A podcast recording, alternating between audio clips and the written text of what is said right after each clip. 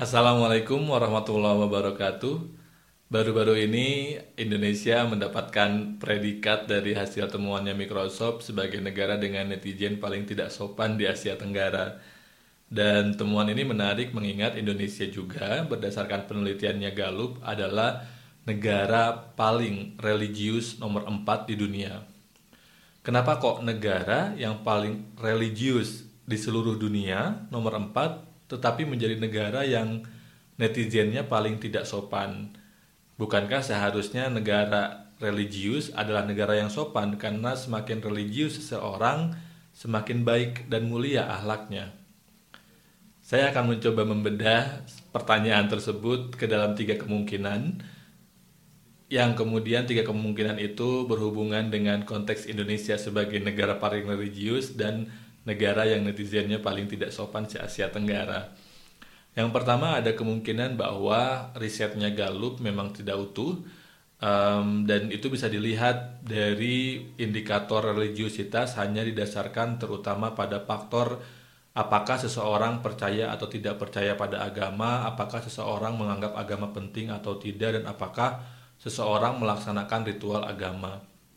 Tidak ada pertanyaan yang sifatnya untuk mengukur objektif atau korelasi antara agama dengan akhlak atau dengan attitude atau dengan sikap uh, moral sehari-hari.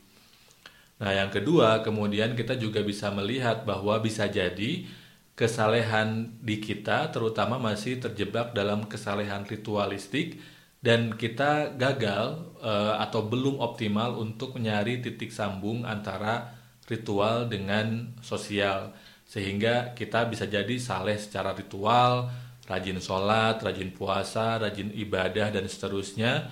Tapi kemudian kesalehan ritual itu tidak mendampakkan atau tidak membuat kita menjadi pribadi yang lebih baik secara sosial.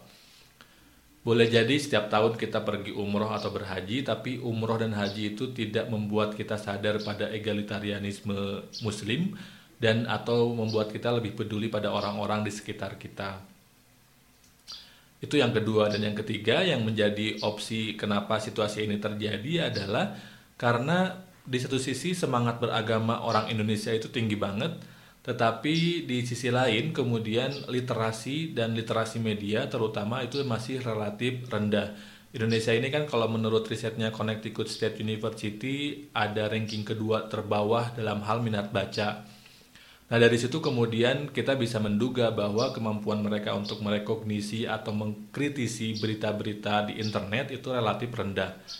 Padahal sosial media selama ini menjadi uh, medium di mana Muslim Indonesia mengekspresikan atau belajar ilmu agama.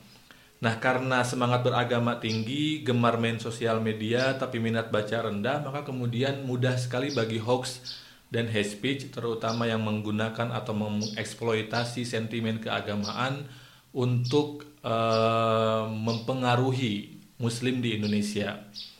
Dan ini juga dibenarkan dalam tanda kutip oleh penelitiannya Microsoft yang menunjukkan bahwa kenapa netizen Indonesia dianggap paling tidak sopan, salah duanya adalah karena kemung, apa ya kemudahan mereka untuk percaya hoax atau menyebarkan hoax dan e, betapa menjamurnya dalam tanda kutip hate speech gitu di sosial media kita.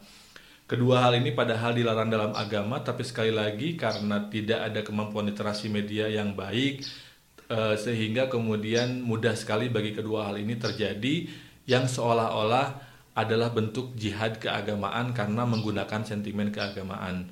PR-nya apa? PR-nya berarti sekali lagi sudah betul uh, agama Islam didakwahkan pertama kali dengan uh, ayat ikro bacalah gitu. Sehingga kemudian tidak cukup semangat beragama, semangat beribadah tanpa ilmu, tanpa kemampuan mengkritisi, tanpa kemauan untuk terus-menerus membaca situasi, membaca konteks, membaca apa pun.